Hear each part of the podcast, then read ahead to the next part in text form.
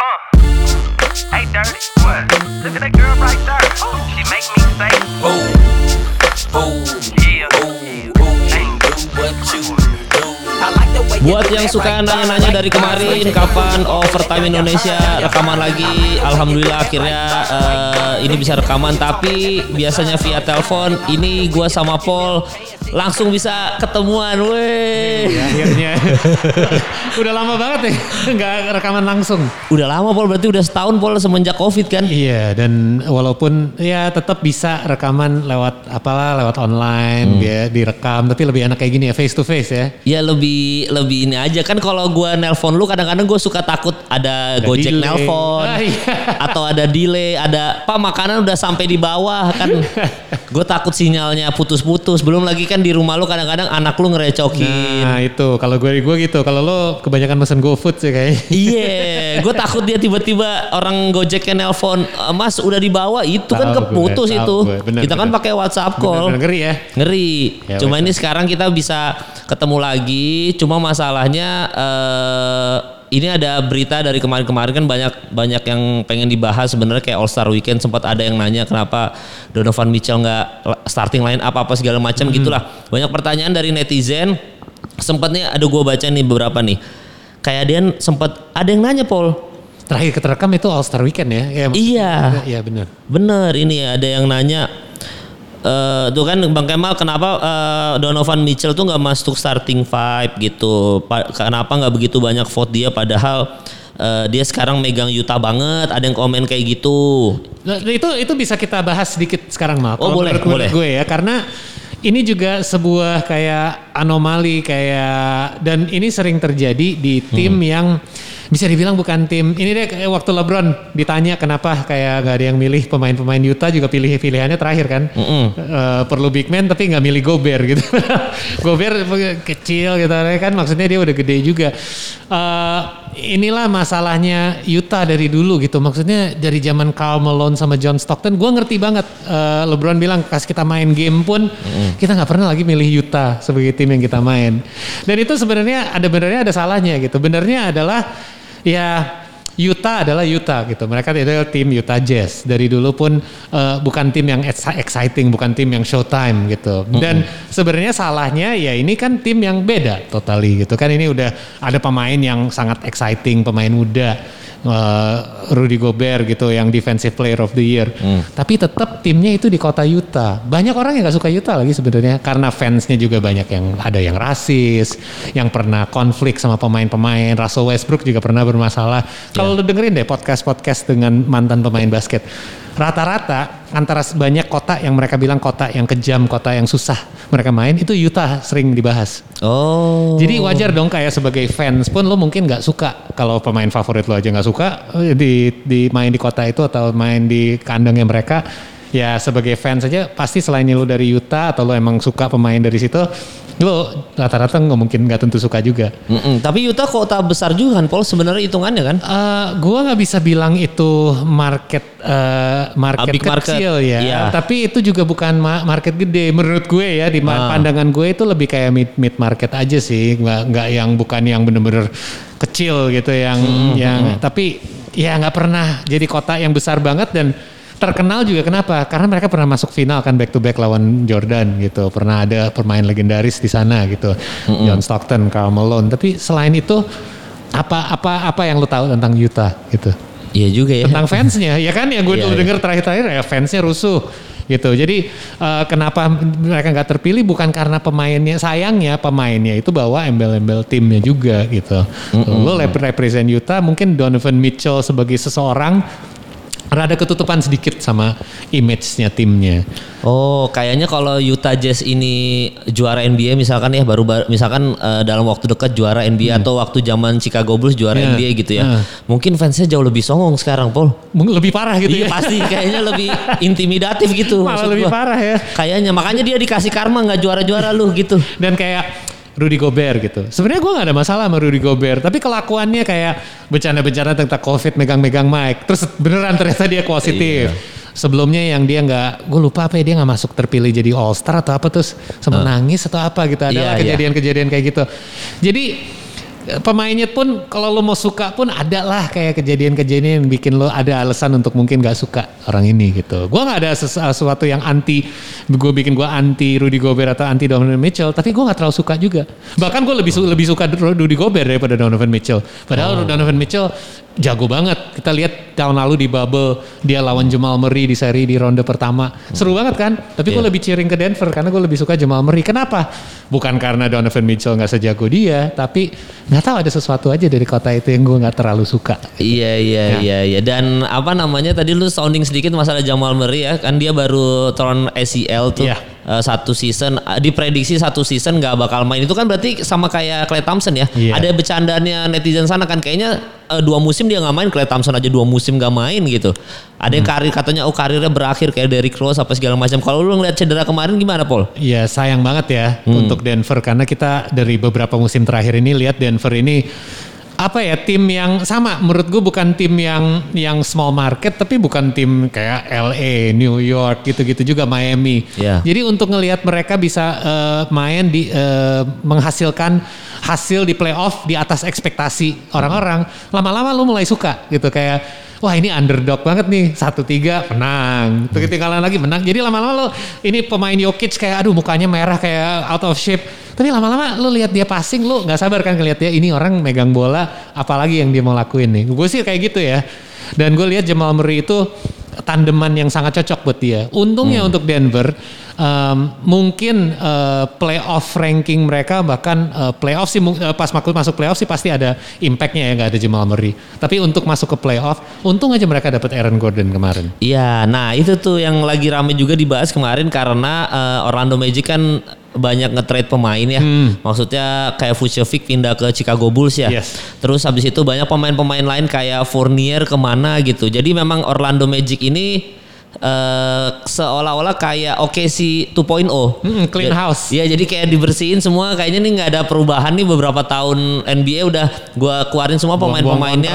Iya, ya. buang-buang kontrak terus ngambil eh, yang draft-draft tahun-tahun ya kayak gitu. Itu kenapa Paul? Maksudnya dia nyadar juga bahwa dia nggak ke mana-mana berarti Magic ya I- Paul. ya? Iya, mereka punya pemain All Star dengan Vucevic lah bisa bilang. Mereka punya pemain yang sangat el- elek- electrifying lah dengan Aaron Gordon gitu yang kita semua tahu dari Slam Dunk Competition. Tapi kenapa mereka selalu pas-pasan? Kenapa mereka masuk playoff nggak pernah bisa le- lewatin ronde pertama? Kalau lo jadi organization itu namanya kayak nanggung. Mending lo gak usah masuk playoff sama sekali. Daripada lo masuk playoff tiap tahun tapi lo out selalu nih nggak pernah ada chance. Bahkan lo sering di sweep. Ah, ya kan? lo mending dari jadi hasil yang buruk aja sekalian biar lo dapet bintang. Dan dengan bintang pun nggak jamin kan? Mereka dari dulu juga punya bintang kok. Iya. bahkan hasil terbaik mereka yang seingat gue ya di memori gue adalah Juara- Shaquille Shaquille O'Neal sama juara. Penny Hardaway Iya. dan di mana mereka udah masuk final tapi nggak bisa juara Iya, dan itu bener. mereka udah nggak pernah ada tim loh yang dapetin back to back seleksi nomor satu di draft mereka dapat Shaq tahun depannya dapat Chris Webber yang akhirnya di trade jadi uh, Penny Hardaway Iya. Oke bisa dibilang karena cedera dan lain-lain. Tapi udah ada chance. Mereka udah ngalahin Jordan pas Jordan balik lagi dari pensiun. Mereka udah pernah ke final cuman dibantai. Udah terlalu pede dan Shaq pun bi- ngebahas itu. Eh, kalau nggak salah Shaq atau Penny dua-duanya deh. Kita saat itu masih muda. Kita udah ngerasa kita udah di atas dunia. Men kita udah ngalahin Jordan. Ternyata dibantai sama Houston gitu kan. Jadi bagi gue ada franchise yang emang rada rada rada sial aja sih. Mal. Dan mereka bukan punya pemain yang gak jago. Lu lihat Aaron Gordon sekarang main di Denver bagus banget. Vucevic main di Bulls, Bullsnya jadi bagus, dianya juga bagus. Ya butuh beberapa game ya awalnya. Tapi itu mereka udah di Orlando lama loh. Iya, iya. nggak anak baru juga. Jadi kayaknya sebagai mereka mungkin sebaiknya untuk pencet tombol reset aja kita mulai lagi dari awal. Bener. Kita coba deh lebih fresh lagi. Karena Mana ada Horace Grant lagi tuh ngalahin Jordan tuh kan waktu Aduh, itu kan. itu yang bikin Jordan ngamuk sih katanya. ya kayak kan di Last Dance kayak ini orang berani ya selebrasi selebrasi ngalahin gue tahun depannya dibantai. Tahun depannya dibantai. Bahkan eh, di era Kobe Bryant juga Dwight Howard kan masuk final. Ya itu dia. Walaupun mereka, 4-1. mereka nggak asing tuh sama final masalahnya. Cuman Ah. eh, belum pernah juara. Maksudnya dengan di era yang gue nonton itu Hmm. Orlando itu kayak selalu nanggung-nanggung aja sih. Jadi mending di, dicoba aja. Dan nggak asing sama draft pick nomor satu ya. Maksudnya Dwight Howard. Dwight Howard tuh nomor satu kan? Eh lupa gua Dwight Howard tuh. Dwight Howard itu Kalau nggak salah pokoknya 10-10. Pokoknya dia Eh, kalau nggak salah satu deh, Paul. Enggak ya? lottery pick sih setahu saya ingat gue gue nggak inget persis tapi mereka dapat eh, pemain yang eh, bapuk juga tapi nomor pick nomor satu dari Philadelphia Eh, Markel Fultz. dipindah-pindah ke Orlando dan ya maksudnya mereka nggak bukan kayak tim yang nggak pernah ada pembintang juga lah intinya Mm-mm, jadi eh, Orlando Magic ini emang ada McGrady dulu ya. Aduh, Oh, iya. iya. bener. Ada Tracy McGrady apa Pas segala macam. tim gue tuh iya itu gue. jadi makanya sebenarnya eh, ada tim yang memang nggak hoki-hoki banget aja kali ya. Jadi bisa dibilang ya mungkin ada dosa-dosa di tahun-tahun lalu. Bagus lah mereka ada sadar dirinya. Ya dan oke sih nggak nggak fail-fail banget kan Enggak. ngelakuin itu ya kan? Enggak. Dan dan mungkin harus berterima kasih sama Chris Paul juga bisa masuk tetap masuk playoff gitu kan. Jadi nggak berarti itu hal yang buruk. Dan sekarang aset itu gini deh.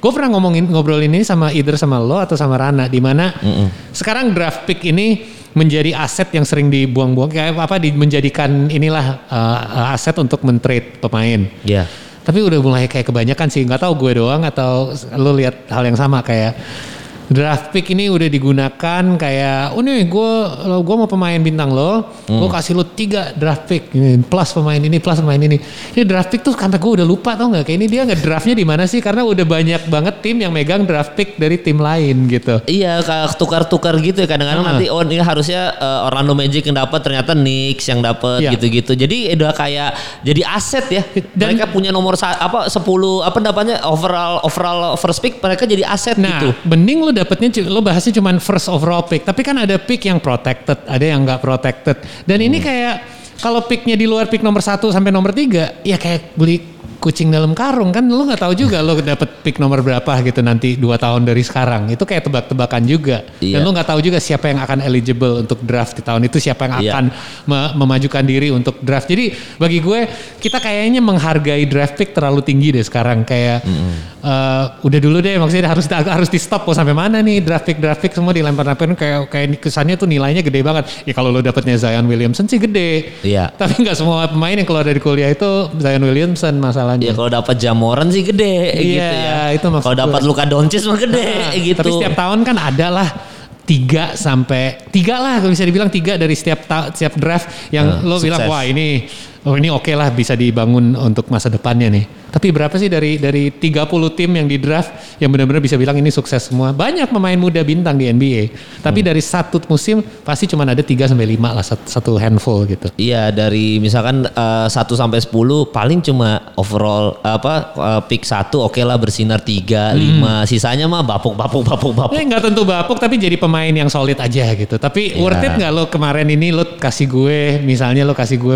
lo kasih gue Steph Curry, gue kasih lo 5 draft pick. Tapi akhirnya yang jadi seseorang yang oke lumayan bagus itu satu gitu. Yang sisanya Iya ya. lo trade lagi ke tim lain. Iya juga Terus ya. tim itu juga ah dari tiga yang gue dapet dua gue trade lagi jadi, pusing.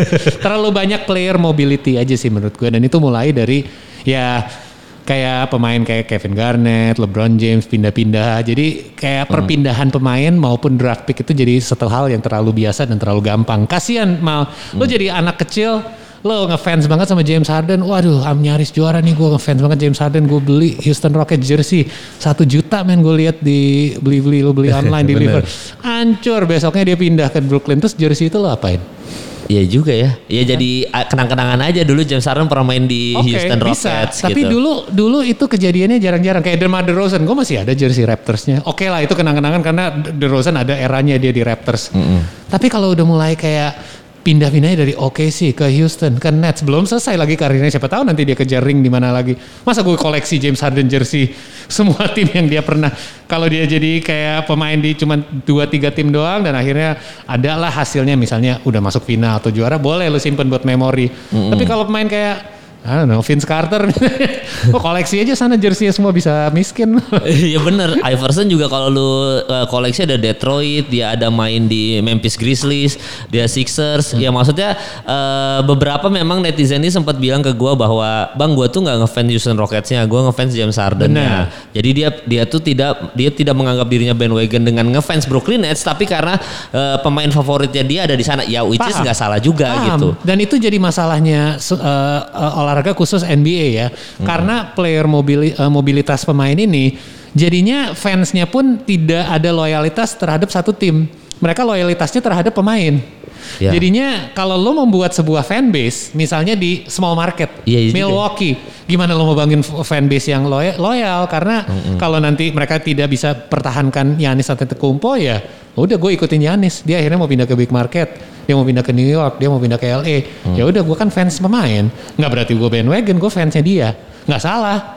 Tapi lo gimana pertahankan fans di market kecil? Kan itu masalahnya di NBA. Lo mau tahanin gimana membangun market kecil biar lebih merata sama market gede. Iya, Nggak- iya. nggak bisa kalau lo mem- membiarkan pemain yang punya kontrol. Kita pernah bahas ini, Mark. James Harden ini bertingkah nih, mau karena mau nggak happy. Tapi kalau lo biarkan dia bertingkah dan dia pindah, terus tiba-tiba di Nets dia mainnya bagus, ini jadi contoh yang buruk buat pemain-pemain lain yang akhirnya ngerasa oh ya udah kalau gue nggak happy gue acting Bisa out pindah. aja, gue jadi gendut, gue mainnya males-malesan, nanti gue di trade karena gue udah nggak ada gunanya di tim ini. Tapi di, pas udah dipindah ke tujuan yang gue happy, gue balik lagi ke pemain. Jadi mereka dikasih kekuasaan yang terlalu banyak gitu, menurut gue sih ya. Ya juga ya maksudnya jadi begitu ya dan itu nggak itu nggak berlaku di NFL ya. NFL kita masih bisa Nggak. segitu ngefans sama tim walaupun tiba-tiba uh, Tom Brady pindah ke Buccaneers kita nggak nggak tiba-tiba oh gue ngefans Buccaneers gitu. Enggak, enggak. Iya, iya, iya, Fanbase, fanbase NFL, eh, eh, M, eh, apa MLB, baseball, itu semua terhadap tim gitu. Bola. Oh, iya. Ada nggak sih bola yang, oke, gue fansnya Barca. Seandainya Messi pindah, waduh gue bakal bete banget. Tapi gue gak jadi fansnya Man City juga. gue tetap Iya. fansnya Barca walaupun gue wah gue marah sama tim gue lo manajemennya hancur lo biarkan Messi di itu dijual gini-gini. Tapi gue tetap fans timnya dong. Iya, NBA iya. nggak kayak gitu. Selainnya lu tinggal di kota itu, kayak misalnya gue gede di Toronto. Toronto lagi nggak masuk playoff juga ya udahlah, jelek banget tim gue tapi gue ikutin. Juara juga gue ikutin. Tapi orang Indonesia kan kebanyakan bukan orang yang pernah gue lama nih di Boston ada, tapi nggak semua orang kayak gitu. Iya. Jadi loyalitas mereka ke kota itu ya nggak besar. Wajar dong. Wajar. Loyal- Loyalitas gue kalau Jakarta punya tim.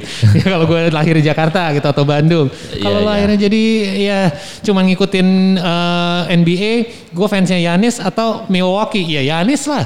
Iya, iya. pernah ke Milwaukee. Dan dan pemain NBA kan kita pernah bahas Paul. Maksudnya Hmm. eh, dari lima pemain starting line up, satu pemain aja paling jago tuh udah berpengaruh untuk semuanya. Jadi kita ngerti mindset kenapa kalau di NBA jauh lebih kalau bola deh misalkan Messi paling jago, tapi kalau lainnya goblok-goblok juga ya satu Barcelona aja goblok-goblok juga. Bener. Tapi kalau kalau Messi main basket misalkan dari empat orang bego tapi ada Messi paling jago masih bisa ada kemungkinan masih bisa, menang. masih bisa karena pem- pemainnya lebih sedikit. Iya, Iya kan? Itu Impact- makanya lebih lebih ngefans ke pemain daripada ke tim sebenarnya. benar. Susahnya NBA itu sih. Ya, da- nah bisa aja lo kayak Brooklyn contohnya. Hmm. Ya udah gue kumpulin pemain, pemain bintang sebanyak mungkin. Nah itu tadi kan lu bahas tuh masalah draft sudah tiga segitu pentingnya pemain udah segampang eh, gitu pindahnya gitu. Nah ini kemarin itu ada yang ya biasa lah kan maksudnya eh, ini Adam Silver gimana sih maksudnya Brooklyn Nets ini mau menghancurkan NBA atau gimana sih kok semua orang pada pindah ke situ. Ini sebenarnya Gini Paul, kenapa pemain-pemain ini tiba-tiba ngumpul di Brooklyn Nets gitu kayak Black Griffin, terus habis itu eh ya gitu aja sih kayak Black Griffin, terus habis itu ada James Harden ngumpul di situ, ada Kevin Durant, ada Kyrie Irving di situ. Ini maksudnya tujuan mereka ini apakah yang penting gue dapat satu ring satu musim, terus habis itu musim selanjutnya gue bisa pindah lagi atau apa apa ini itunya apa sih ibaratnya tuh ada keinginan apa sih ini gitu? Kenapa sih? Eh, kalau lihat agak mirip ada miripnya nggak sih? Apalagi kalau Blake Griffin ya Eh, sama kejadian James Harden di mana di tim yang mereka berada saat itu eh, kalau Aldridge di Spurs sih bisa dibilang kalau gue ya di, di pandangan gue Aldridge agak udah lewat peaknya juga. Ya. impact dia untuk sebuah tim jadi bintang utama atau kedua seperti di Spurs impactnya udah nggak gede. Lu nggak akan bikin bisa bawa tim lo masuk playoff atau masuk playoff pun nggak bakal jauh.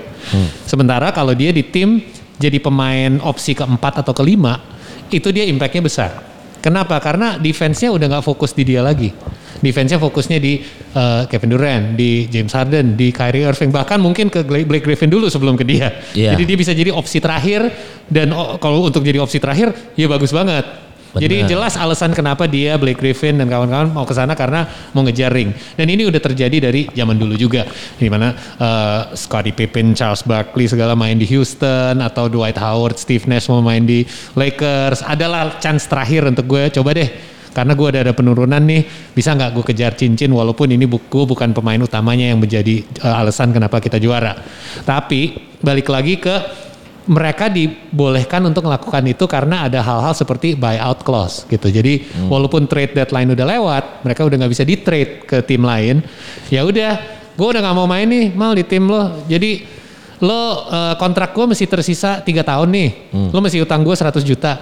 Ya udah lo bayar gue 50 40 50 juta aja deh lo bayar setengahnya. Terus lo lepasin gue jadi lo jadi ibaratnya lo nggak ke kehilangan 100 juta lo cut your loss aja deh. Gue gue bayar 50 tapi gue sekarang ada roster spot yang kosong. Jadi saling menguntungkan buat gue juga gue nggak stuck di tim lo yang nggak masuk masuk playoff nih. Jelas Detroit harus rebuild.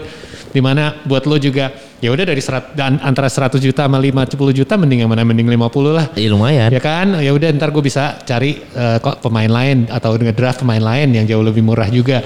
Jadi eh, dua hal ini yang saling saling menguntungkan makanya kenapa ada peraturan ini dan kenapa peraturan ini nggak pernah dikomplain karena buat timnya juga oke lah.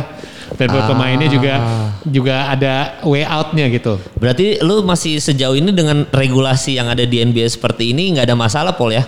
Bukan gue sih sebagai fans nggak ada masalah. Gue Ah. bisa lihat tim-tim kayak gini jadi terbentuk. Gue bisa lihat Andre Drummond masuk ke Lakers. Tapi Ah. masalahnya itu buat tim-tim yang bukan calon juara. Karena pemain-pemain ini nggak bakal mau ke tim-tim yang bukan calon juara. Ada nggak request dari mereka maunya pindah ke New Detroit York Pistons, Knicks atau ya. atau ke Cleveland Cavaliers gitu nggak ada. Mereka requestnya semua rata-rata pindah ke LA salah satu tim LA atau Iya. ke eh, calon juara siapa pun itu Philadelphia atau Boston atau eh, tim yang ada inilah chance Brooklyn saat ini sih yang paling chance yang paling gede gitu. Jadi Iya, iya, benar. rules ini walaupun baik baik buat mereka dan buat kita sebagai fans pun kurang baik buat tim-tim lain aja. Iya jadi nggak sehat tapi ya tujuannya adalah kalau misalkan ngejar ring juara ya sah-sah aja berarti ya Lu, tidak lu, ada. lu peduli nggak kalau nggak tidak merata? Kayak misalnya 10 tahun dari sekarang, ya yang kuat masih ini ini aja. Gue sih nggak masalah. Oh. Gue gak masalah sebagai fans dong. Iya, Tapi iya. kalau gue fan yang tinggal di eh, di mana ya di kota kecil yang nggak ada chance masuk lah. Iya, iya ini Sacramento. Ya oke, gue jadi fans di Sacramento. Lo mungkin bisa kesel juga kayak, ya gimana kita ada chance pemain nggak ada yang mau ke sini gitu. Iya iya iya iya. Hmm. Dan itu apa namanya sebenarnya kan tadi lu bilang gue 10 tahun ber dia juara satu tim aja nggak ada masalah. Ya itu ter- berlaku di NFL situ lu Tom Brady anjing. Maksud gue kayak gue juga suka kesel gitu eh, di momen di mana seharusnya eh, Kansas City bisa mungkin eh, siapa itunya quarterbacknya lupa gue namanya anjing. Oh ya, Aduh. yang yang udah. Eh, iya iya siapa? Ah, harus padahal gue pendukungnya dia. Nah itu maksud gue jadi eh gue kira eh, dia ini udah bisa harusnya bisa ngalah, ngalahin Tom Brady tapi ternyata nggak bisa ngalahin Tom Brady. Jadi maksud gue di NFL pun sudah berlaku seperti itu bertahun-tahun selalu Tom Brady yang menang gitu. ya kalau mau ini ya kalahin aja gitu. ya kan? iya Kalau mau nggak mau ya kan. Dan betapa betapa senengnya kalau oh Mahomes Patrick Mahomes. Patrick ya. Mahomes. Jadi Mahomes. berapa berapa bahagianya jika lau ada yang bisa mengalahkan Tom Brady begitu pula kalau misalkan kayak waktu kemarin ada yang bisa ngalahin Steph Curry, ada yang bisa ngalahin LeBron James Iya. gitu. Jadi betapa bahagianya ada waktu itu eh, era tripitnya Lakers dikalahin Detroit Pistons. Jadi kan betapa bahagianya gitu. Tapi NBA kan selalu membanggakan out dan selalu membanggakan bahwa mereka tuh usaha bikin fair, liga liga yang fair rata-rata. Jadi nggak ada small market, big market, every team itu ada chance gitu. Itu kan yang mereka, itu kan artinya kenapa kalau lo ada liga bukan kayak bola gitu, lo bisa beli. Kalau lo kaya, lo beli aja pemain yang jago. Kalau di NBA lo jelek, lo tahun depan dapat pemain yang paling bagus di draft. Kan itu sistem dibuat obviously untuk bikin lebih rata, liga yang lebih rata dong. Iya, Kalau iya, enggak yang yang yang juara aja dikasih eh, sama-sama lu suruh gambreng aja lu suruh milih-milih semua chance-nya sama enggak kan? Semua lu kasih chance lebih besar untuk Iya. tim yang paling jelek. Bener. Setiap tahun itu dilakukan. Berarti lu pengen untuk draft ya. Yes, berarti lo Iya. ingin membuat liga ini rata, serata mungkin. Dan benar dan kalau misalkan kita dapatkan misalkan draftnya eh, sangat berkualitas itu kan jadi small market bisa sesuatu yang akhirnya pemain-pemain lain eh gue mau deh main sama LeBron ke waktu di Cleveland misalkan. Eh gue mau deh main sama Luka Doncic di Dallas gitu. Jadi ada ada momen di mana ketika yang lo dapatkan pemain bintangnya adalah pemain yang keren buktinya adalah paling paling gampang bukti adalah LeBron James udah. Iya. LeBron James Cleveland Cavaliers jelas small market tapi dia bisa bawa juara dan pemain-pemain gue mau main sama LeBron jadi ya itulah akhirnya liganya bisa jadi lebih fair ya. Iya. Sayang LeBron cuma ada satu. Ya kita mengharapkan Lamelo Ball, eh, Jamoran, siapa lagi sih Zion Williamson. Kita harapkan lah itu untuk tahun-tahun berikut Jason Tatum. Tapi Jason Tatum main di Boston udah Ma- big ma- market masa, sih. Masa depan sih cerah dan eh, tapi cuman itu doang. Gue belum yang gue belum jelas ini adalah akankah kita lihat lagi pemain kayak Kobe Bryant yang 20 tahun di satu tim gitu. Dan Hmm. itu yang bikin lo jatuh cinta sama LA Lakers kan. Sampai sekarang pun lo suka LA Lakers kenapa? Karena Kobe man. Gue mulai Iya. nonton basket karena Kobe misalnya. Iya iya. Ya, loyalitas dia itu jangan dianggap bukan bukan hal kecil loyalitas dia terhadap LA walaupun dia pernah minta mau di trade itu wajar lah hal-hal kayak gitu. Hmm. Tapi buktinya dia di situ mau mereka lagi bapuk dia tetap stay, tetap Iya. main sekeras mungkin, nggak ada kayak ah kita mau kalah nih gue pura-pura cedera deh biar nggak usah main satu musim. Dia cedera pun masih main. Iya, benar Ada ya. chance masuk playoff atau enggak dan itu membuat kita sebagai fans ada lebih kayak lebih apa ya relate lebih bisa relate ke tim itu lo segitunya sama timnya gue juga men Iya iya. kalau buat lo timnya nggak penting juara doang ya udah gue juga Iya iya sayang Damian Lillard nggak soki Kobe Bryant ya. Nah. kalau Damian Lillard soki Kobe Bryant kan akhirnya ada lagi orang yang seloyal itu sama Dan satu it- tim gitu. Itu yang bikin gue awalnya nggak pernah suka sama Damian Lillard karena bukan nggak suka ya bukan anti tapi nggak Ah. ada yang gue bukan gimana gimana sama style dia main tapi lama-lama gue suka karena eh, itu dia Attitude. attitude dia terhadap gue akan selalu mainnya keras sekeras mungkin Hmm. mau kita ingat nggak mereka di bubble itu kalau nggak salah mereka ada satu saat mereka harus menang semua Iya. gamenya tersisa kalau nggak mereka udah out Iya. dan gara-gara dia eh, ham- hampir semuanya gara-gara dia mereka bisa akhirnya masuk ke playoff kar- karena karena Damian dia Lillard. karena Damian Lillard dan dia udah menyatakan bahwa gue nggak mau pindah dari sini jarang dong sekarang pemain NBA yang lo denger ngomong kayak gitu Iya iya maksudnya itu emang sesuatu yang langka ya. Iya bener sih Paul masa gue kangen sih momen-momen di mana ada satu pemain loyal banget sama satu tim. Tak sayang Damian Lillard tidak soki itu ya. Semoga pemain-pemain muda ini bisa bikin liga jauh lebih sehat lah. Maksudnya kalau mereka merasa eh, Zion merasa dirinya jago, Jamoran merasa dirinya jago. Semoga mereka bisa loyal ya minimal 10 musim lah atau 11 musim lah di tim itu gitu. gue lihat ja, eh, Jamoran ada ada ada eh, ini nih potensi untuk stay Di dia Memphis buk- kayak kelihatan kayak tipe anak yang kayaknya gue akan bikin tim ini jago bukan gue akan pindah ke tim yang jago gitu Oh, ya, tujuan ya. gue adalah untuk bikin kita jago Semoga gitu. ya, semoga dia eh, termotivasi dengan jersey-jersey Memphis yang makin keren. Jersinya Memphis tuh gua akui paling keren se NBA Iya, ya iya, jersinya dia. Semoga termotivasi Keren gitu. sih. Makanya jadi eh tad- oh ya sebelum kita bahas terakhir masalah tentang Brooklyn Nets apakah eh, Lakers apakah bisa back to back? Miami Heat kan kedatangan Oladipo ya Paul ya. Hmm. Yes. Menurut lu berapa pentingnya peran Oladipo untuk Miami Heat di musim ini? Apakah Miami Heat bakal seperti tahun lalu bakal bersinar sampai masuk final atau gimana Paul? Gua- Sedikit Paul. Gue kayaknya sih di eh, menurut gue ya Iya. eh, Miami Heat itu tahun lalu itu overachieve sih kayak Hmm. gue nggak expect juga tapi nggak berarti tebakan gue selalu benar emang mereka deserve untuk masuk ke final karena di playoff wilayah timur emang mereka yang paling bagus selama playoff. Tapi eh, setelah lihat performance mereka kalau mau ngomong cedera, wah sempet Jimmy Butler cedera lama. Eh, ya semua tim juga ada cederanya. Semua tim juga udah pernah kena eh, masalah close contact tracing atau masalah COVID gitu. Jadi gue nggak ambil alasan-alasan itulah. Eh, karena ya alasan yang ada impact ke semua tim gue nggak ambil. Tapi gue menurut gue susah sih berat banget musim timur musim ini. Iya, ya iya. maksudnya ekspektasi lo apa? Mereka harus ketemu sama siapa? Kalau ketemu sama Boston, Boston juga buruk banget. Mereka uh, musim rekornya ini. juga jelek itu.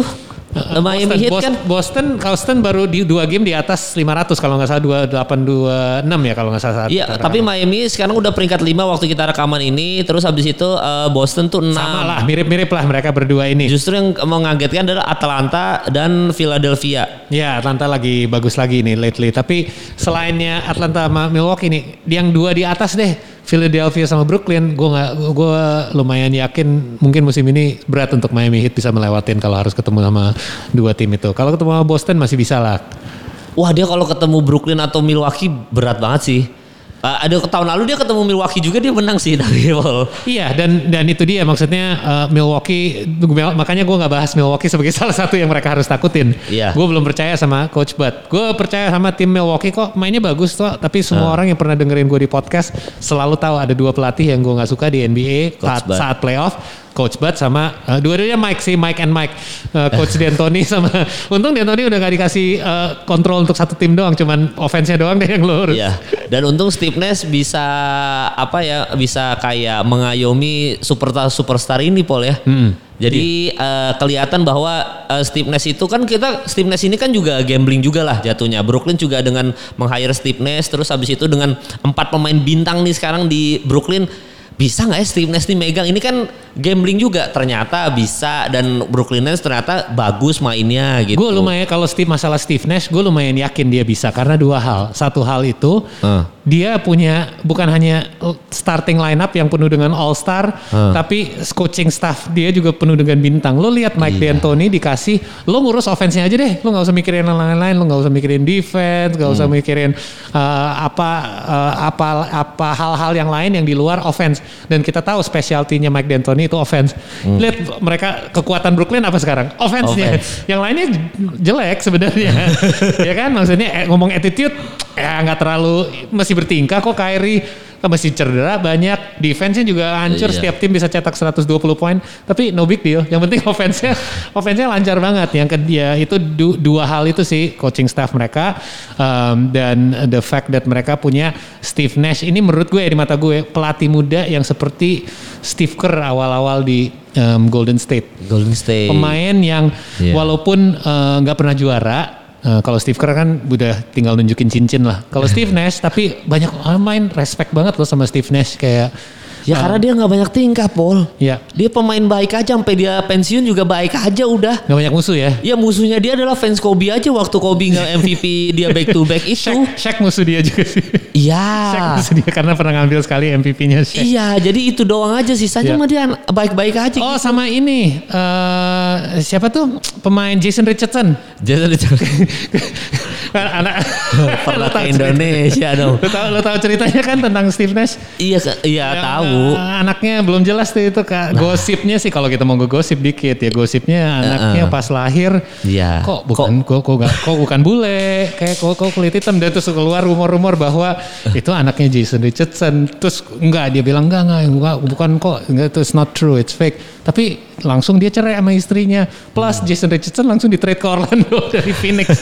Jadi lo lo lihat sendiri aja itu investigasi sendiri. Iya, jadi kita nggak tahu. Itu Justin Richardson apa Quentin Richardson sih? Kalau nggak salah Jason Richardson. Justin Richardson ya? Iya, iya. Oh iya pernah main ya di Phoenix ya Terus bener dia, itu. dia langsung di trade ke Langsung Orlando. di-trade. Iya, iya, iya. Jadi- Gosipnya sih karena permintaan Steve Nash tuh. Jadi itu doang ya musuhnya Steve Nash sisanya mah nggak ada. Ah, dia di respect banget men. Iya, nah ini sekarang dia punya musuh baru nih kayaknya, Hmm. Siapa? yaitu adalah eh, Frank Vogel.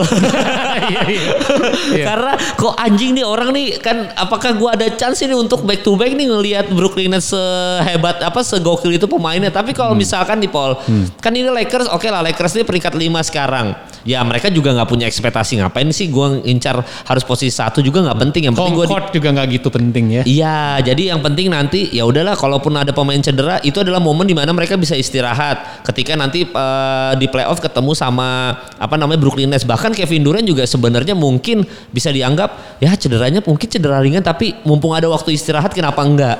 Kok- Toh juga pemain mereka jago-jago lu bisa menang tanpa gua kok gitu. Ini gue simpan tenaga gua untuk nanti eh, playoff ketemu pemain-pemain yang emang udah serius mainnya. Makanya apakah Lakers menurut lu Paul masih bisa kembali ke final terus bisa juara atau ini dihentikan atau Brooklyn Nets gitu-gitu. Kalau Philly gua nggak yakin masuk final Paul, jujur. Em, Kalau Philadelphia. gue gue gue sih tebakan gue sih eh, Brooklyn Philly bukan karena rekor mereka sekarang ya Hmm. Iya. eh, akan ketemu di eh, final wilayah. Hmm. Eh, alasannya kenapa Philly? Kenapa kan tahun-tahun sebelumnya gue nggak pernah milih Philly karena Doc Rivers doang. Doc Rivers gue yakin dia akan membawa eh, sebuah inilah kayak sebuah Mentality. iya Ya. kayak pengalaman dia yang untuk bisa melewati hal-hal yang mungkin sebelumnya belum bisa.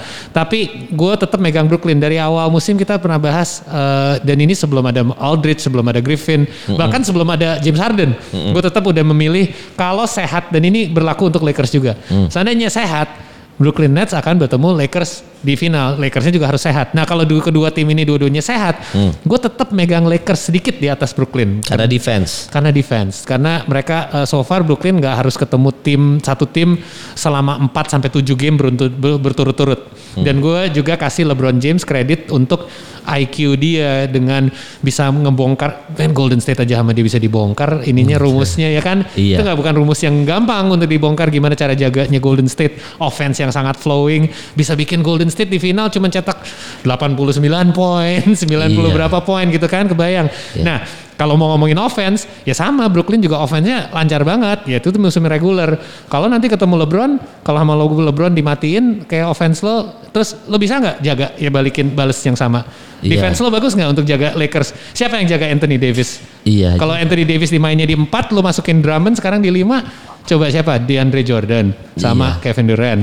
Sama siapa lagi? Blake Aldridge. Griffin. Aldridge. Ya sekarang mereka punya eh, tubuh-tubuh yang bisa jaga. Tapi gue tetap pegang Lakers sih kalau lo pasang Aldridge sama Griffin lawan Drummond sama em, Anthony Davis. Iya misalnya. mesin rebound. Andre Drummond mesin rebound. Gue pernah baca masa eh, buk, eh, kan kita baca Hanamichi Sakuragi kan eh, slam dunk kan. Hmm. Hanamichi Sakuragi dan Dennis Rodman deh contoh simpel. Hmm, kenapa Chicago Bulls segitu bersinarnya eh, Hanamichi Sakuragi begitu bersinarnya? Karena rebound adalah segala-galanya. Mereka selalu ngomong gitu kan. Iya. nah ini mesin rebound itu ada di Los Angeles Lakers teman-teman. Iya. Andre Drummond. Jadi Black Griffin di Andre Jordan offense bagus. Tapi secara defense udah pasti Andre Drummond yang megang.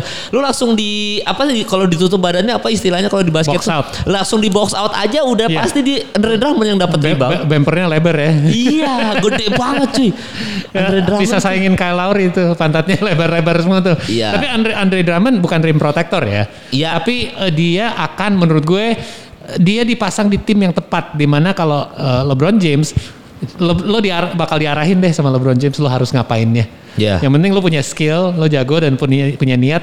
Kalau posisi lo harus di mana dan siapa yang lo harus jaga, siapa yang lo harus switch, tenang aja. Selain Frank Vogel ada coach James, coach LeBron untuk Iya. bisa ngatur. Soalnya pemain yang main sama LeBron rata-rata akan main lebih bagus. Iya Karena dia ngerti lo harus ngapain. Lo jadi lo akan diarahin. Lo nggak dibentak-bentak dimarahin juga. Selainnya mungkin selainnya lo J.R. Smith ya. Tapi rata-rata sih pemain akan bisa dapat performa terbaiknya kalau main sama LeBron. Iya apalagi ada Harrells ya Lakers ada Harrells Nah. apa segala macam Masalahnya cederanya. Untungnya kalau lihat timing cederanya, seharusnya kita saat playoff akan lihat dua-duanya asal nggak cedera lagi. Kalau Brooklyn, gue nggak terlalu khawatir karena mereka ada satu dari berlima itu cedera pun mereka tinggal rotasiin aja, ya kan? Iya, iya, Mereka iya. nggak akan kehilangan sesuatu di defense, mereka kehilangan sesuatu di offense karena defense-nya juga Iya. udah biasa aja. Dan kerennya Brooklyn ya, James Hardennya bisa disetel sekarang. Eh, James Harden, lu hari ini main offense ya? Oke siap. Lu hari ini main passing siap. Iya. Gua hari ini lu defense aja siap. Itu hebat sih. Itu hebat sih. Hebat ya. Bisa disetel gitu ya maksudnya Steve Nash dan eh, Mike D'Antoni kayak udah lu ikut sekarang ikut aja karena ini udah tim lu udah lengkap nih semua nih udah ada nih secara offense. Udah gua setting ya lu ya dan hebatnya Harden ngikutin dan bisa ternyata ya. Gue ya. benci banget sama Harden di Houston loh sebenarnya. Cara dia main aja Tapi di Brooklyn jadi respect di. Brooklyn gue suka gitu ngelihat dia passing-passingnya. Gue gak berarti suka sama Harden sebagai pemain. Hmm. Tapi gue ngelihat pemain yang bisa adaptasi itu gue respect banget sih. Dia kayak Bunglon men dia main di sini. Oh, udah Ah. Iya, lo iya. mau gue jadi point guard. Ingat gak dia di OKC mainnya kayak gimana? Beda lagi gitu kan. Ya berarti ternyata dia emang. Harden kita bisa bilang bahwa sebenarnya dia punya IQ. Tapi kadang-kadang moodnya dia yang ganggu nih, moodiannya dia nih. Iya dan mood dan eh, mungkin ya mungkin ini arahan dari D'Antoni juga di, Hmm. di Houston gitu. Lo harus nembak sekian kali gitu. Ini setiap kali lo ini lo tahan aja bola di atas dribble dribble lo lo tungguin lo gocek lo lewatin tunggu shot clock sampai sekian baru lo make a move gitu. Hmm. Itu mungkin arahan kita nggak tahu juga itu kita nggak tahu apa yang terjadi di locker room. Tapi yang jelas dia di Brooklyn ini dari dibenciin karena dia eh, ting- tingkah lakunya di Houston di awal musim Iya. sampai sekarang sama eh, expert-expert sama pondit udah dibahas wah harusnya dia kalau nggak cedera udah masuk calon MVP nih Iya, wah iya. gila bisa sejomplang itu dari dibenci public enemy yang nggak pakai masker party Iya, bener, sama bener. Little Baby sampai bisa jadi calon MVP itu hebat sih Hebat banget makanya itu hebatnya Brooklyn adalah bisa nyetel segitu ego segitu gedenya James Harden bisa disetel. Oh ya gue lupa ternyata PJ Tucker kan pindah ke Milwaukee. Ju- Yes. Jadi jadi justru menurut gue Milwaukee ini chance ada chance besar juga nih Paul. selainnya lo bisa adaptasi di playoff Tapi menurut gue ya. nggak menurut gue itu dia. Maksudnya sekarang ini Milwaukee di posisi manajemen udah lakuin hal yang benar semua. Yanis butuh pemain dam- yang dampingin dia selain Chris Middleton. Oke dapat. Bledsoe di trade ada Drew Holiday. Masuk PJ Tucker. Oke manajemen udah ngelakuin apa yang harus mereka lakuin dong. Iya. Berarti next siapa? Coach man. Kalau mereka tahun ini nggak masuk final Iya coach. harus dipecat sih. Iya. Coach udah. Bud. Coach Bud kayaknya harus jadi asisten seperti Mike D. mungkin, mungkin. Iya kan? Jadi bukan tugas dia untuk adaptasi lagi, untuk adjust. Gitu dari game ke game bukan tuga- tugasnya offensive coordinator, offensive coordinator lu diurusin offense. Nanti gue yang ngatur Iya. apa yang kita harus adjust nih. Kayak Atlanta dulu ya, zaman dia megang Atlanta Hawks kan juga gitu kan. Iya. Pas playoff dia gagal, dia memang kayaknya spesialisasinya Bud bukan ya udah jadi asisten cukup deh. Hmm. Kayaknya cukup membantu. Buktinya Mike D juga bisa jadi asisten coach dan kalaupun nanti Brooklyn Nets ternyata berhasil berarti kan oh ternyata bukan di sini tempat gua. Bener. Gua harus jadi asisten aja. Setuju. Dan dan dia, gue juga respect sama Mike D'Antoni. Gue nggak suka style dia, Hmm. tapi gue respect dia bisa mau di bawah Steve Nash gitu. Pemain yang dulu dia pernah ngelatih. Iya, itu dia, anjing Itu tuh. kan ego lo harus kayak lo harus telen inilah gengsi lo gitu kayak nggak apa-apa deh. Gue Iya. di bawah lo lo yang jadi bos gue sekarang. Iya dia dia kan kalau di kalau di side court kan dia duduk doang stiffness berdiri gitu ya. Jadi kayak gua Mungkin lebih enak juga. ya. Ya ternyata enak juga duduk aja ya nggak harus berdiri marah-marah sama wasit. Iya. Stiffness aja deh masih ga- apa gejolak kaula muda, muda. masih muda. Biarin aja deh gue duduk aja bersila apa kaki naik ke atas udah seneng kayak gue ngeliat kayak Mike D kayak lebih kalem daripada dia berdiri kayaknya suka marah-marah ke wasit gitu ya. Jadi menurut lu Paul Lakers bisa back to back atau enggak Paul? Em, kalau kita tadi ambil pem- per- ke- pe- perumpamaan mereka Semua nggak semua cedera. Hmm. bisa cedera, eh, iya, gue gue sih megang Lakers. tetap. Megang Lakers tuh ya. Walaupun ada ada eh, apa Utah, ada Clippers, ada Denver di West, gue tetap megang Lakers. Buktinya apa? Ya buktinya tahun lalu. Lu lihat aja tahun lalu. Ingat Hmm. nggak bahasannya apa tentang Lakers tahun lalu? Clippers man, semua dari awal musim capek banget gue dengerinnya Clippers, Clippers, Iya, iya. Clippers. Wah pada mingkem semua nih pas di, dikalahin sama Denver gitu kan. Tahun ini Utah, Utah, oke. Tapi gue nggak megang Utah di playoff sih. Musim regular, oke gue pegang. Tapi gue gue dan seharusnya banyak fans NBA saat ini sudah belasan tahun liatin LeBron. Udah deh, lu nggak usah Meragukan. meragukan lagi. Ada caranya. Kalau bukan pakai otot, Iya. bukan pakai shooting, pakai otak. Adalah banyak caranya untuk LeBron bisa membongkar tim lo. Atau kalau kalau yang dilakukan Clippers sekarang, rondonya ditarik. Jadi biar ada bocoran. Eh kasih tahu bocoran lu. itu si Skip Bayless saking bencinya sama LeBron bilang eh, Rondo masuk ke Clippers dan mereka membandingkan kan siapa yang lebih besar impactnya eh, ke timnya Eh, Rondo sama atau Chris Paul dia bilang Rondo loh. Aduh, aduh, ya, gua nggak percaya Mas Gibelis deh. Gua nggak percaya, Paul. Nih Paul, lo, lo tunggu lo, lo, lo sebagai fansnya Lakers ah, seberapa ngeri kalau akhirnya harus ketemu Brooklyn atau lo mikir dah aman lah ketemu Brooklyn. kalau ketemu Brooklyn Nets di final Ya, gue selalu megang teguh peribahasa bahwa defense wins championship. Oke. Sih, kalau kalau gue, lu nggak apa-apa deh nyetak 100 poin. Tapi kalau misalkan lu bisa bertahan dengan baik dan LeBron bisa matiin satu orang, dua orang, tiga orang, kan PR-nya adalah gimana caranya ngejaga Kyrie, eh, eh, James Harden, KD, ini tiga orang ini kan. Yang paling penting kan mesin poin mereka adalah tiga. Kalaupun mereka fokus ke tiga orang, Blake Griffinnya mungkin aja lebih banyak ruang untuk dia lari-lari kan. Dia bisa ke rim lebih cepat gitu. Jadi menurut gua pasti yang harus ini kan mereka punya LeBron, dia LeBron. Terus habis itu ada Dennis Schroeder. Dennis Schroeder pasti disuruh jaga Kyrie Irving atau James Harden lah ya. Terus habis itu mereka shooternya dia datengin pemain baru ada Mike Lemore yang gitu-gitu tuh. Jadi itu kan tugasnya adalah sebenarnya untuk defense doang, Paul. Iya. Dia didatengin. Ya kalau McLemore sih bisa dibilang dia 3 and D lebih besar di 3-nya ya daripada D-nya. Tapi Iya. yang gue ngeri dari Brooklyn, ya gue tadi bahas bahwa uh, Lakers tuh punya pemain yang menurut gue kualitasnya lebih bagus. Kalau selainnya pemain ini ya intinya kayak pemain opsi ketiga keempat sampai kelima sampai keenam.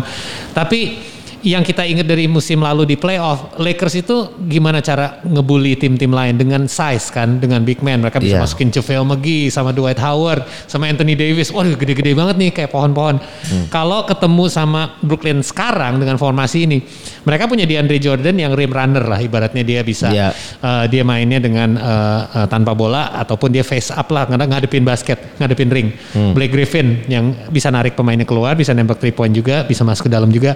Mereka punya Aldridge yang bisa back to the basket, justru yang balikin punggungnya ke basket, yang dia bisa post up. Hmm. Jadi menurut gue satu hal yang jadi eh, plus banget buat Lakers. Kenapa gue bilang gue megang Lakers tapi tipis, nggak sebesar kayak lawan tim-tim lain tahun lalu karena itu karena Brooklyn sekarang punya big man yang mungkin kualitasnya gue nggak taruh di atas Lakers, tapi opsinya variasinya lumayan tuh. Mereka Iya. punya eh, ini inilah walaupun mereka defense-nya juga semua nggak nggak ada yang luar biasa, tapi dari sisi offense mereka Lakers juga akan kewalahan sih. Ya lebih banyak sisi rotasinya. Kalau Brooklyn bisa ngistirahatin pemain bintang mereka untuk nanti gempor di uh, Iya. quarter kedua, yang ini istirahatin dulu. Jadi lebih lebih banyak rotasi karena kan kalau ini udah ber udah LeBron aja. Kalau LeBron kalau dirotasi mungkin akan lebih berbahaya untuk Lakers ketika Iya. LeBron di, lagi di bangku cadangkan gitu Nah, kan. karena kita lihat Steve Nash pinter nggak untuk membaca situasi lawan Lakers, misalnya ketemu Lakers, Hmm. gue harus adjust nih. Jadi dengan line up yang wah gue banyak ini alat-alat yang gue punya banyak nih, tapi bongkar pasangnya bener nggak nih untuk Iya. bisa ketemu di situasi yang tepat. Bisa asal Mike D nggak banyak bacot. Jangan dikasih kekuasaan ke Mike D ya. Ya asal Mike D nggak banyak bacot. Jadi untuk menutup semua apa podcast episode kali ini, Paul, kan ini kemarin sempat ada netizen eh, dari Overtime Indonesia nanya, bang, menurut Overtime siapa MVP musim ini? Jadi menurut lo aja deh, Paul, versi lo. Kalau ditanya MVP musim ini karena kemarin Steph Curry baru jadi all time scoring leadersnya Golden State Warriors kan, walaupun eh, belum tentu masuk playoff juga. Eh, terus habis itu ada yang Nikola Jokic, katanya calon kuat juga. Eh, Joel Embiid sejauh ini masih itu. Gua nggak tahu dari Utah apakah Donovan Mitchell eh, dicalonkan MVP atau tidak. Cuma nama-nama Joel Embiid, Nikola Jokic, Steph itu yang lebih mencolok sekarang kan. Bahkan LeBron, bahkan beberapa LeBron. eh, ini masih LeBron James. Ada yang lebih seru lagi eh, Charles Barkley debat sama Shaquille O'Neal bahwa harusnya Chris Paul masuk eh, Ya, calon MVP benar. musim ini karena terbukti bahwa Phoenix Suns jadi rekornya jadi Bener, jauh lebih baik kan. karena rekor aja sih. Nah, kalau lu disuruh milih dari nama-nama ini satu nama doang untuk menutup podcast ini, lu MVP-nya siapa, Paul? Aduh, harus ini? satu doang ya. Iya, masalah Oke, satu gue doang. gue Paul. kasih tahu alasan Tiga dulu, dulu, ya. kenapa gue tidak memilih pemain yang gue sebenarnya merasa harusnya. Iya. eh, adalah LeBron James sama eh, em, Kevin Durant. Hmm. Karena gue pemikiran gue lo harus jadi salah satu pemain terbaik di seluruh liga sih. Bukan Hmm. hanya tim lo bagus, tapi lo harus one of the best, best top three at least. Jadi nama yang seharusnya masuk menurut gue ada tiga ya. Hmm. Ya. LeBron James, Kevin Durant, sama Giannis Antetokounmpo. Giannis Antetokounmpo enggak karena dia udah dua kali MVP berturut-turut dan walaupun dia sta- secara statistik eh, calon yang bagus, tapi nggak akan dapat vote-nya karena dia terbukti udah dua musim beruntun eh, di playoff kalah gitu dan nggak produktif. Um, Kevin Durant sama LeBron karena cedera jadi nggak bisa. Menurut gue ya nggak cukup lah. Pas ada pemain lain opsi lain yang main lebih banyak. Iya. Gue suka banget pilihan Chris Paul karena dia udah terbukti setiap kali dia pindah tim, tim itu lebih bagus, overperform. Iya. Atas performa selainnya Houston pun menurut gue ya apa saja sih, tapi waktu dia masuk ke em, OKC, OKC masuk playoff, dia out, OKC juga out. dia Iya. pindah ke Phoenix yang gak masuk playoff, sekarang bukan hanya masuk playoff tapi top 4, top 2. Iya. Tapi gue harus tetap megang pemain favorit kita sih, Nikola Jokic. Ujung-ujungnya itu kenapa?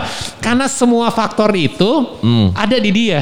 Secara statistik dia hampir nggak pernah miss pertandingan kalau nggak salah. Gue nggak tahu dia pernah miss nggak mungkin nggak pernah sama sekali miss pertandingan.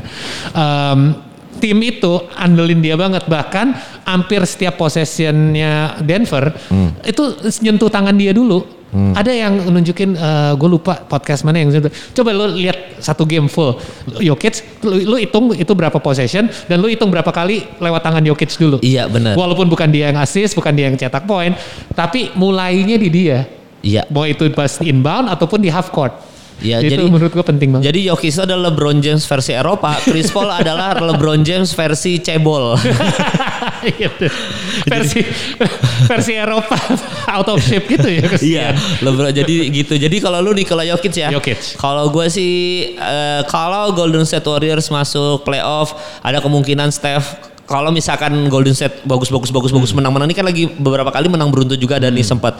Jadi kalau dia menang-menang terus mungkin Steph nama besar calon kuat juga. Oke. Walaupun sebenarnya gue mu- ya apalagi ngomongin statistik, Hmm. mungkin Steph statistik daripada eh, Nikola Jokic secara poin leader pasti kan masih menang Steph pasti kan. Hmm. Cuma ya gua nggak tahu Golden State Warriors tuh masuk playoff atau enggak gitu aja sih Paul. Jadi kalau kalau Steph menang MVP itu eh, contohnya kayak pas Russell Westbrook menang ya, kayak timnya ngandelin dia banget gitu. Iya. Nggak, nggak ada dia ini tim hancur banget gitu. Hancur emang ke, emang terbukti bahwa dia ada ada ada ada pencapaian di musim ini yang di mana dia jadi all time scoring leader berarti eh, ngalahin Will Chamberlain berarti kan ada ada penilaian plus lah. Ada milestone gitu. Iya ada lewati. milestone Nah. untuk uh, tinggal gimana caranya Golden State Warriors itu masuk playoff aja dan dia menang menang menang ngandal misalkan dia dia menang menang terus seperti Damian Lillard musim kemarin dia harus Iya. kejar menang menang terus dia menang mungkin bisa jadi MVP. M- kok. Mungkin dan gue setuju dalam satu hal karena MVP itu singkatan untuk most valuable player. Iya. Ke- ke- eh, sering banget kita tidak menilai dari kata value. Value itu apa? Nilai lo untuk tim lo. Hmm. Berarti tim lo tanpa lo itu seberapa jomplang. Benar nggak? Iya. Itu kenapa kita selalu eh, merasa LeBron James harusnya dapat MVP karena ta- tim ini tanpa LeBron hancur banget gitu kan. Iya. Tapi kebanyakan kita kasih MVP itu untuk pemain terbaik di musim reguler Iya. secara statistik. Iya. Dan mid timnya menangnya berapa kali gitu. Dan sebenarnya itu bukan eh, arti kata valuable kan. Iya. Right. Jadi ya ya gitulah maksudnya kita sayangnya eh, MVP ini tidak menggambarkan eh, award ini seharusnya. Seharusnya Ya. ada dua award. Ada yang bahas ini juga di American Football ya atau di oh di CFL Canadian Football League. Ada the best player, ada most valuable player. Jadi itu dua pemain selalu beda. Best player itu contohnya lo mau kasih itu ke eh eh, Iya. Jokic atau ke siapa Embiid, lah? Joel Embiid Joel. Embiid. Eh, tapi lo kasih eh, itu best player ya. Hmm. Most valuable player itu lo kasih ke Chris Paul. Nah, itu iya. contoh. Jadi dua emang udah didefinisinya kan beda. Iya juga ya. Ya semoga podcast ini didengar sama NBA ya. Jadi ada ya Adam kayaknya Silver sering sih udah subscribe kayak gue denger.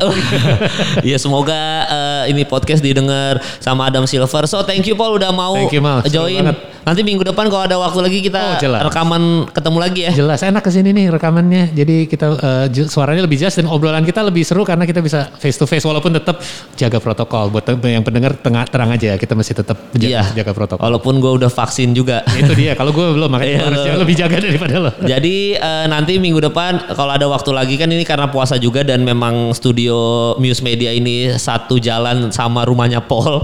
Jadi masih bisa lah dan eh, semoga minggu depan kita ada waktu lagi buat rekaman. So thank you guys buat yang udah request eh, apa namanya bikin podcast, bikin podcast dan apa eh, banyak ngasih-ngasih pertanyaan juga tadi beberapa udah dijawab. Kasih pertanyaan lagi nggak Iya dong, apa-apa. terus dong. Iya kasih Seru. pertanyaan lagi. Jadi nanti minggu depan eh, gua ada bahan lagi sama Paul karena biasa gue kalau regular season kemarin gue ketemu Rana juga di Tori Bar sebelum puasa ya. gue ngomong ke Rana kayak Ran nyadar gak sih kita bikin podcast tuh kayak misalkan eh, Brad Griffin pindah gitu. Terus ngapain kita bikin podcast juga gitu maksud gue ada beberapa yang sebenarnya kita udah tahu realitanya kita nggak perlu bahas-bahas juga. Makanya Rana ngalihinnya ke musik hip hop atau Iya. makanan Iya. gitu supaya nggak boring pembahasannya. Gue ada momen di mana sama Paul kayak apa lagi yang mau dibahas ya. Nah mungkin pertanyaan dari kalian bisa kita bahas Yes. gitu. Itu sebenarnya yang beda dari podcast kita ya. Kita sering banget minta input dan pertanyaan karena kita pun nggak pakai kayak format. Tadi lo kirim ke gue nggak sih? Kita pas chatting, eh kita hari ini ngobrol nggak pernah lagi lo gimana? Ya udah datang datang aja. Nanti kita ngobrol. Tadi lo buka IG-nya overtime untuk lihat pertanyaannya ada apa aja yang pernah dibahas atau DM Iya. lo. Ya gue lebih suka kayak gini, lebih spontan. Iya kadang-kadang kita nggak di backingin sama statistik dan lain-lain karena ya kita nggak bisa mikir juga di luar kepala dengan statistik pemain ini lagi average berapa. Tapi Iya. paling nggak kita bisa kasih pendapat kita dan apa ya eh, bahas sedikit di luar kejadian-kejadian yang lagi hot juga. Gitu. Iya, makanya nanti eh, pertanyaan-pertanyaan kalian kasih aja nanti kita tampung nanti yang menarik untuk kita bahas kita bahas bahas gitu. So thank you udah dengerin Overtime Indonesia guys. Episode kali ini ya. Sampai bertemu di episode selanjutnya.